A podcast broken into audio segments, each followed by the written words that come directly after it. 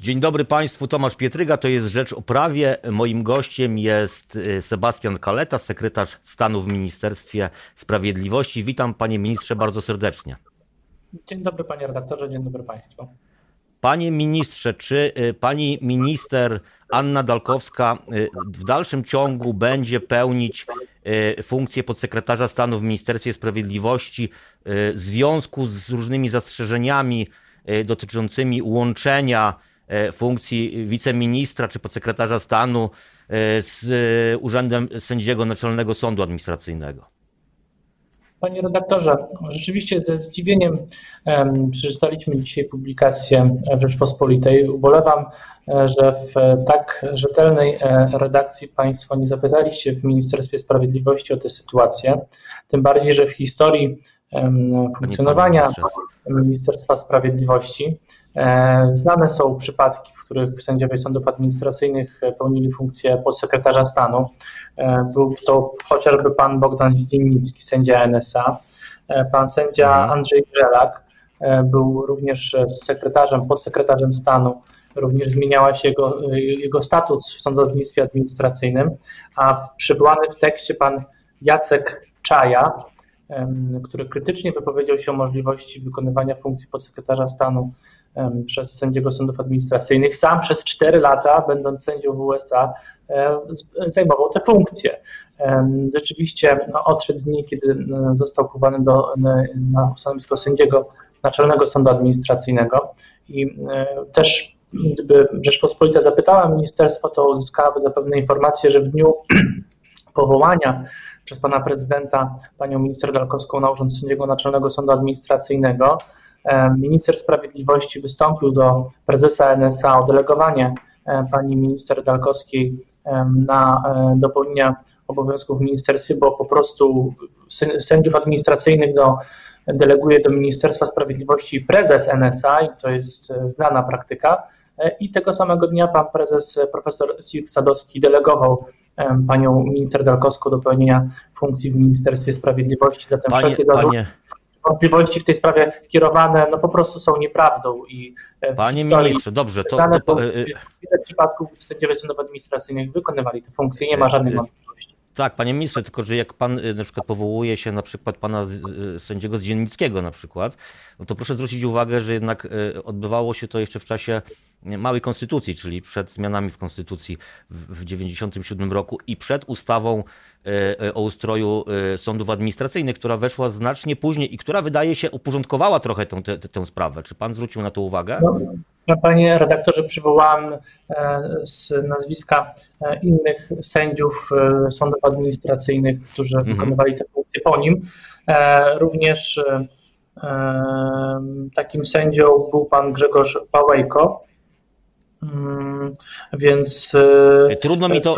Również był delegowany do pełnienia funkcji przez prezesa NSA, funkcji podsekretarza stanu w Ministerstwie Sprawiedliwości w 2011 roku. Panie, Zatem, panie redaktorze, tutaj w tej sprawie nie ma żadnych wątpliwości, po prostu ubolewam, że ministerstwo nie zostało poproszone o komentarz, bo gdybyśmy byli poproszeni o komentarz, z pewnością Rzeczpospolita mogłaby napisać, że tego samego dnia, w którym pani minister odebrała powołanie, została delegowana przez prezesa NSA do Ministerstwa Sprawiedliwości. To jest kluczowy Panie fakt w całej tej sprawie. Panie ministrze, jednak y, czy nie wydaje się panu, bo ja trudno mi oczywiście odnieść się do nazwisk tych sędziów, których pan powoła, więc trudno mi z panem dyskutować i polemizować w tej chwili. Y, y, natomiast czy nie jest to jednak dysfunkcja e, dosyć poważna, kiedy, kiedy e, sędzia sądu e, administracyjnego powołanego do kontroli rządu, administracji państwowej, no jednocześnie zasiada w tej administracji. Czy jednak nie ma tutaj pewnego zgrzytu? Pan nie dostrzega tego?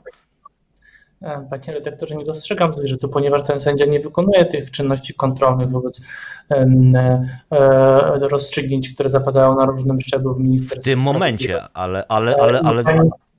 I, pani, minister Dalkowska nie wykonuje i ty, ma, jak również ci sędzi, nieprzypadkowo przywołałam nazwiska sędziów, którzy wykonywali funkcję podsekretarza stanu w przeszłości nie było to przedmiotem tego rodzaju wątpliwości. Dlatego ze zdziwieniem przyjęliśmy dzisiejszą publikację, ponieważ nawet nie było szansy, by rzetelnie czytelnikom Rzeczpospolitej zaprezentować te kluczowe, wydaje się, informacje, które z ubolewaniem muszę zaprezentować. Panie ministrze, Rzeczpospolita dzisiaj będzie kontynuowała też od razu, też Zachęcam do czytelnicy, będzie, będzie, będzie kontynuowała ten temat i dalej rozwijała właśnie również ten wątek, o który, te wątki, o, które, o, o których pan właśnie powiedział.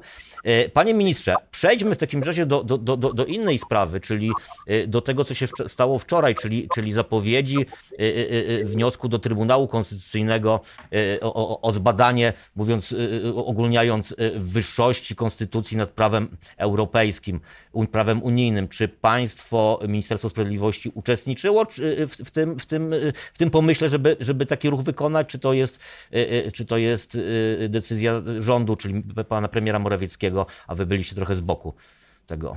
Decyzja całego rządu, e, pana prezesa Jarosława Kaczyńskiego, wicepremiera Jarosława Kaczyńskiego, mhm. E, ministra Zbigniewa Ziobro, również pana premiera Mateusza Morawieckiego.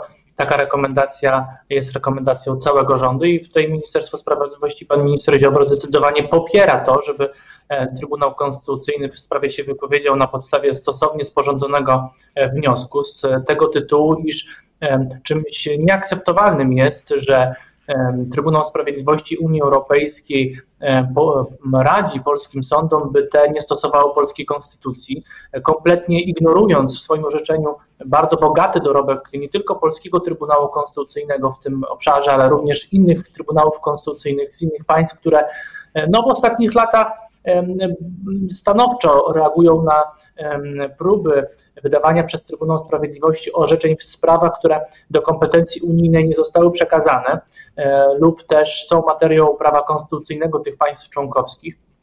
I e, e, co jest bardzo interesujące w sprawie z wyroku z przedwczoraj, rzecznik generalny TSUE, pan Tanczew, stanowczo żądał takiej konkluzji w wyroku TSUE z uwagi na orzeczenie sądu niemieckiego z maja zeszłego roku, a w orzeczeniu nie ma w ogóle przypomnienia o tej treści. Co to oznacza? Oznacza to, że Trybunał Sprawiedliwości Unii Europejskiej czyni sobie z Polski poligon doświadczalny e, na kanwie polskiego sądownictwa w sprawie, w której w innych orzeczeniach, również w ubiegłym roku w sprawie niemieckiej czy włoskiej, e, jasno wskazywał, że kompetencji Unia w sprawie sądownictwa nie ma, ale polskim sądom takie kompetencje chce panie, przyznawać. Panie, panie ministrze, jasne, jasne, bo, tylko że... Stady, e, bardzo groźny Zdecydowanie jako sąd ostatniego słowa jest to cytat z wyroku, w którym uczestniczył pan profesor Andrzej Rzepliński. W tej sprawie powinien wypowiedzieć się Polski Trybunał Konstytucyjny. Panie ministrze, bo ja chciałem się dowiedzieć o taką rzecz. Czy ta decyzja wczoraj, ona była spontaniczna, czyli zapadła tuż po, po, po wyroku, czy ona była jakoś, y, jakimś efektem jakichś głębszych, dłuższych przemyśleń y, y, w ramach rządu? Zastanawia mnie to dlatego, że no, na tle innych spraw, Polska tych spraw w Trybunale ma całkiem sporo i niektóre już się zakończyły, no, chociażby emerytury sędziowskie, gdzie, gdzie musieliśmy się no, po czasie ale dostosować do pewnych rozwiązań unijnych. A ta sprawa... ale uznaliśmy na zasadach lojalnej współpracy, że tak, takie tak. rozwiązanie Natomiast, Panie ministrze, bo to, nie tylko skończę, skończę, skończę, skończę, skończę pytanie, no bo no, myślę, że ta sprawa z przedwczoraj, no to ona no, ma taki, nie jest jakiejś wielkiej mocy ta sprawa, tak? Znaczy były, były poważniejsze, mówiąc krótko, więc dlaczego teraz, w tym momencie państwo y, y, y składacie ten wniosek? Mm, panie redaktorze, nie zgadzam się z tego powodu, że w orzeczeniu głośnym z listopada 2019 roku Trybunał Sprawiedliwości owszem stworzył jakieś kompletnie nowatorskie, oderwane od przepisów prawa reguły, które mają rzekomo e, obowiązywać wobec badania działalności Polskiej Krajowej Rady Sądownictwa, a wyrok ten z kolei jeszcze dalej e, E, spowodował e, przekroczenie nawet tych reguł, które określił Trybunał Sprawiedliwości, jakkolwiek je oceniać, e, działania Sądu Najwyższego i Trybunał Konstytucyjny Polski rozstrzygnął problematykę związaną z powołaniami sędziowskimi i ich mocą w wyrokach w zeszłym roku. A konkluzje tego rzeczenia z przedwczoraj kompletnie ignorują te wyroki Trybunału Konstytucyjnego. Nawet powiem więcej, nie próbuje z nimi Trybunał Sprawiedliwości polemizować, nie cytuje tych wyroków, tylko wprost umieszcza pasus, że przypadku sądownictwa i oceny powołań sędziowskich e, sądy krajowe e, mogą pominąć przepisy polskiej konstytucji. I tego mhm. w poprzednich orzeczeniach nie było i to jest groźny precedens, który zdecydowanie należy przeciąć. Oczywiście, że od momentu wydania wyroku w wielu miejscach w polskim rządzie hmm, prowadzone były niezależne analizy e, treści tego orzeczenia i konkluzja właśnie Rady Ministrów e, jest taka, że to orzeczenie jest próbą wejścia w polski porządek ustrojowy wbrew traktatom, wbrew polskiej konstytucji. Panie ministrze, panie ministrze, dobrze, to... Unia Europejska nie ma kompetencji w sprawie sądów, a wobec Polski stosuje Trybunał Sprawiedliwości w tej sprawie podwójne standardy, bo nie chce badać, albo wręcz stwierdza, że jak w Niemczech sędziów powołują politycy, to jest w porządku, ale w Polsce, jak sędziowie nowej KRS powołują sędziów, to należy to badać, tworzyć testy, Panie... a Panie ministrze, jasne, jasne. To, znaczy znamy, znamy, znamy, te, znamy, znamy te argumenty, tylko ja mam takie pytanie.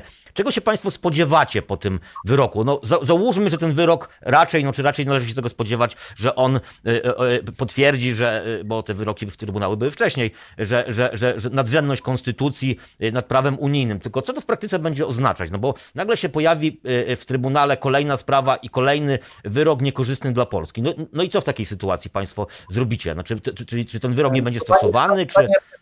Panie, redaktorze, jako można powiedzieć, skoro rząd będzie wnioskodawcą, to każdy wnioskodawca ma wobec sądu, który rozpatruje wniosek, skargę e, czy inny środek prawny, ma oczekiwanie, e, że sąd rozpozna, czy Trybunał zgodnie z tym wnioskiem.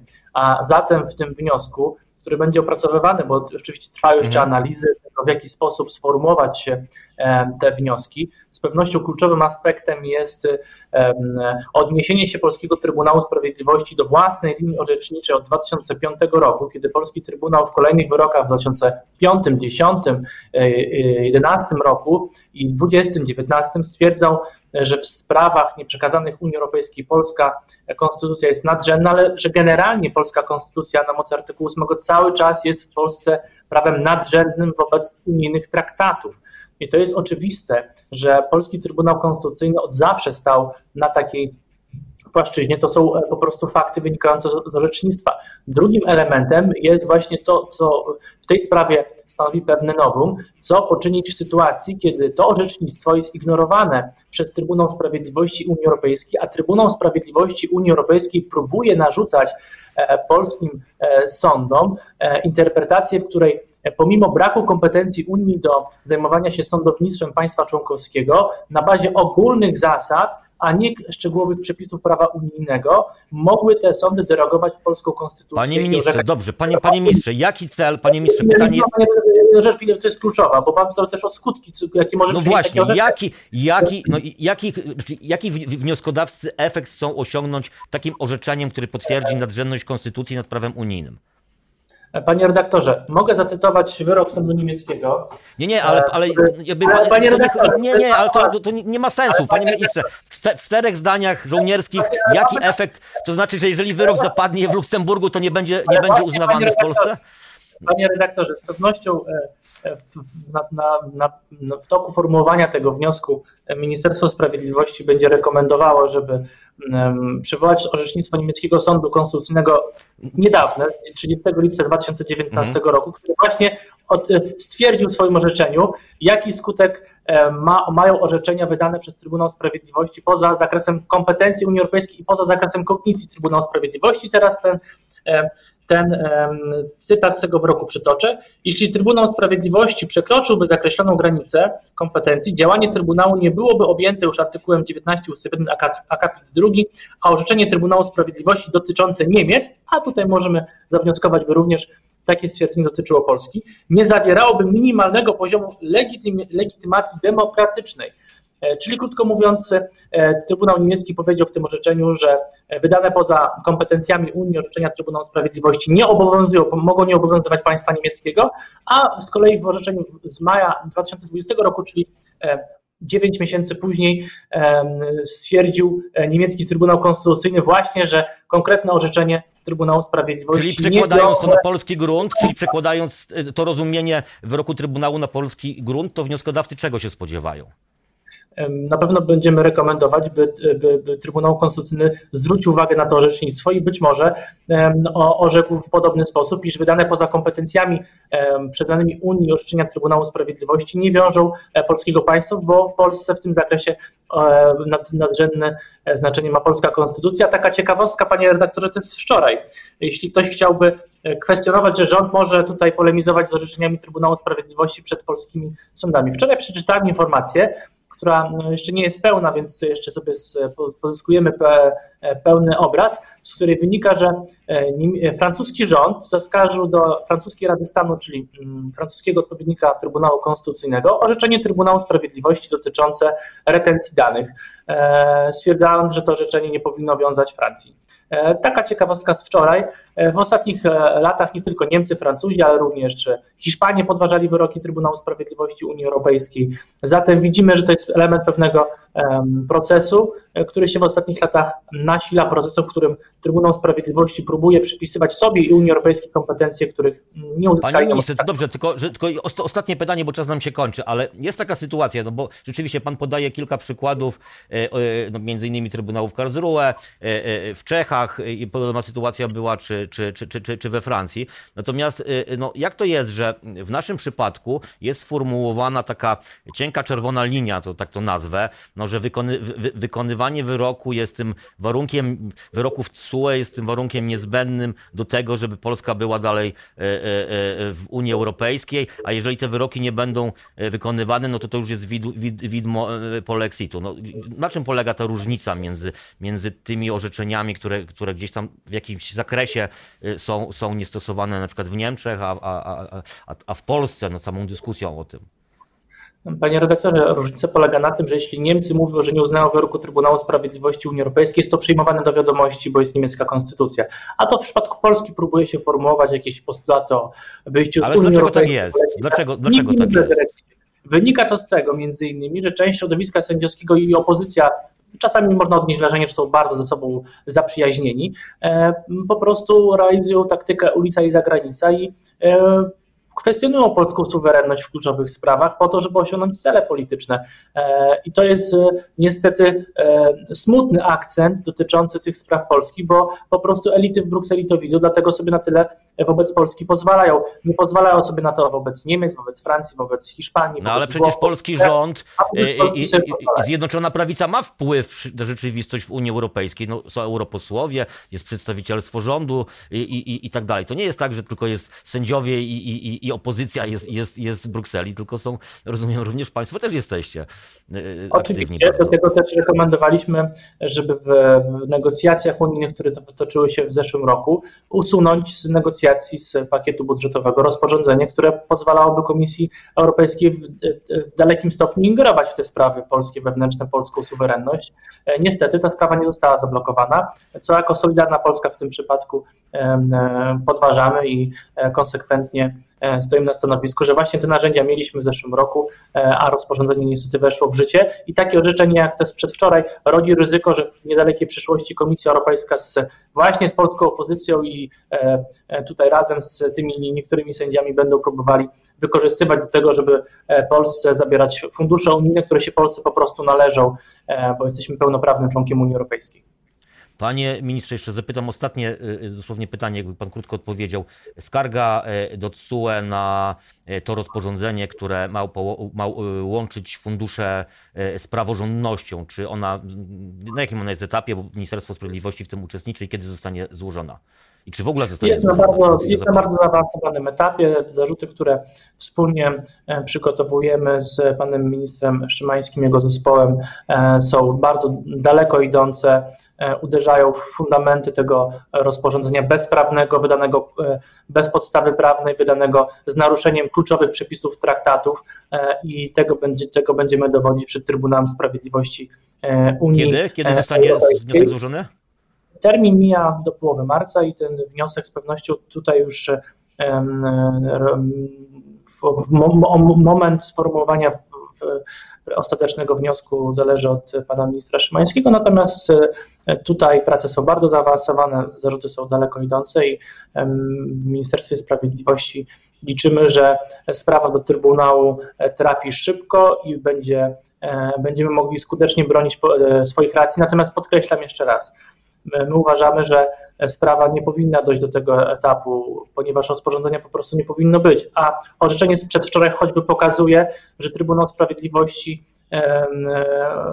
próbuje wychodzić poza kompetencje przyznane Unii, zatem zaufanie do tego, że w tej sprawie Trybunał postąpi zgodnie z traktatami, niestety w związku z, również z tym orzeczeniem z przedwczoraj jest znacząco ograniczone. Tutaj stawiamy kropkę. Bardzo dziękuję. Sebastian Kaleta, sekretarz stanu w Ministerstwie Sprawiedliwości, był moim gościem. Bardzo dziękuję. Wszystkiego dobrego. Dziękuję bardzo, panie.